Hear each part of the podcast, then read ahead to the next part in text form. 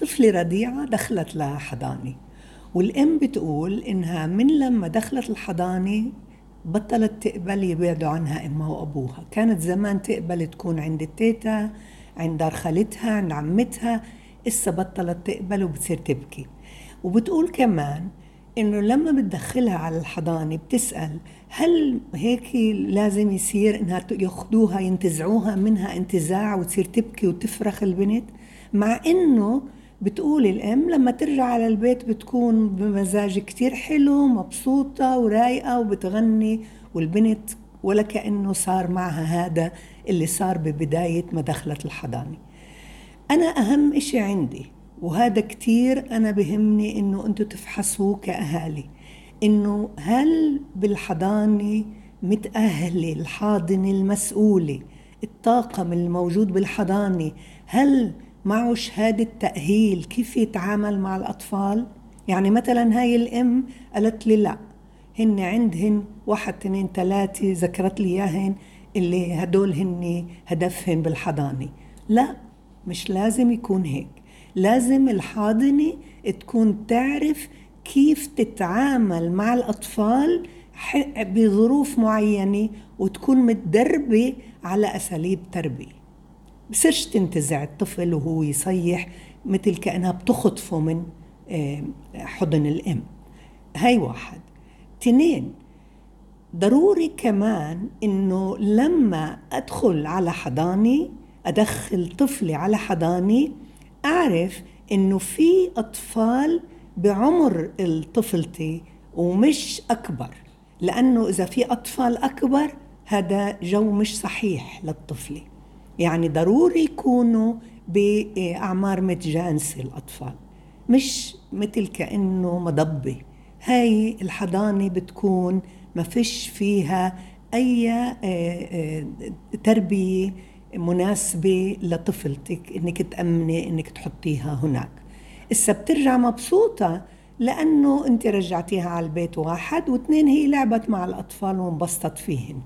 مش الطاقم هو اللي خلاها تكون مبسوطة. الأطفال بحبوا أنهم يكونوا بمجموعة متناسبة بالأعمار.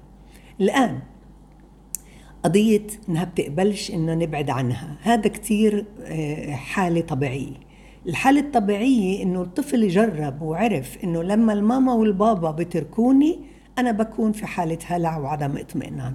وجودهن جنبي هن بعطوني الاطمئنان. وخصوصا إذا الطاقم التربوي مش مؤهل على إنه يكسب الطفل ويسترجع اطمئنانه لما بغيبوا عنه أمه وأبوه الآن أنا بنصح إذا كانت الحضانة مناسبة وفيها كل العناصر المطلوبة للطفل أنا بنصح بأنه لما نروح عند الأهل آه، نبتدي نتفق مع بعض بما أنه صار ينقهر ويزعل ويتضايق إذا إحنا بنتركه نبتدي نغيب بتخطيط.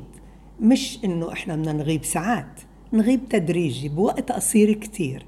اللي يفقد ويشوف إنه مش شايف أمه مثلا كانت أمه معه كانت أمه معها الأم مع الطفلة هاي وغابت بتبتدي بالأول بتطلع بتتلفت هاي اللحظات اللي بتتلفت فيها إنه فقدت أمها بهاي اللحظة إحنا غبنا للحظات ورجعنا. فهي حست إنه في أمان هاي الغيبة قصيرة.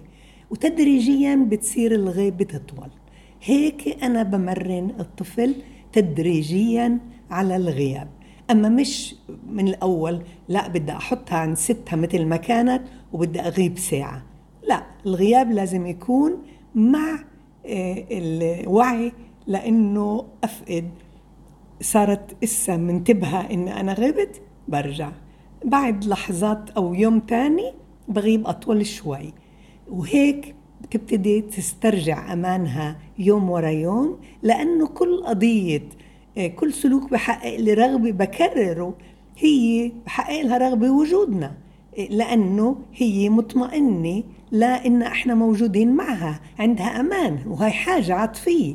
فتدريجيا هاي الحاجة بتصير شوي تطول بالزمن بالغياب يوم ورا يوم ترجع تسترجع أمانها واطمئنانها إذا إحنا غبنا عنها. لازم يكون الغياب بزمن تدريجي. الآن حتى أعودها من التجربة القاسية اللي مرت فيها خصوصا إذا كانت الحضانة ما فيش فيها تأهيل تربوي وتدريب وأساليب. إني أعودها لما بتروح عندي على البيت إني أعملها برامج اللي فيها تكون بثلاث جوانب مهمة لشخصيتها. إني أخذها على حديقة عامة تلعب وأنا أكون موجودة اللي تعمل تنفيس حركي بأنشطة حركية رياضية.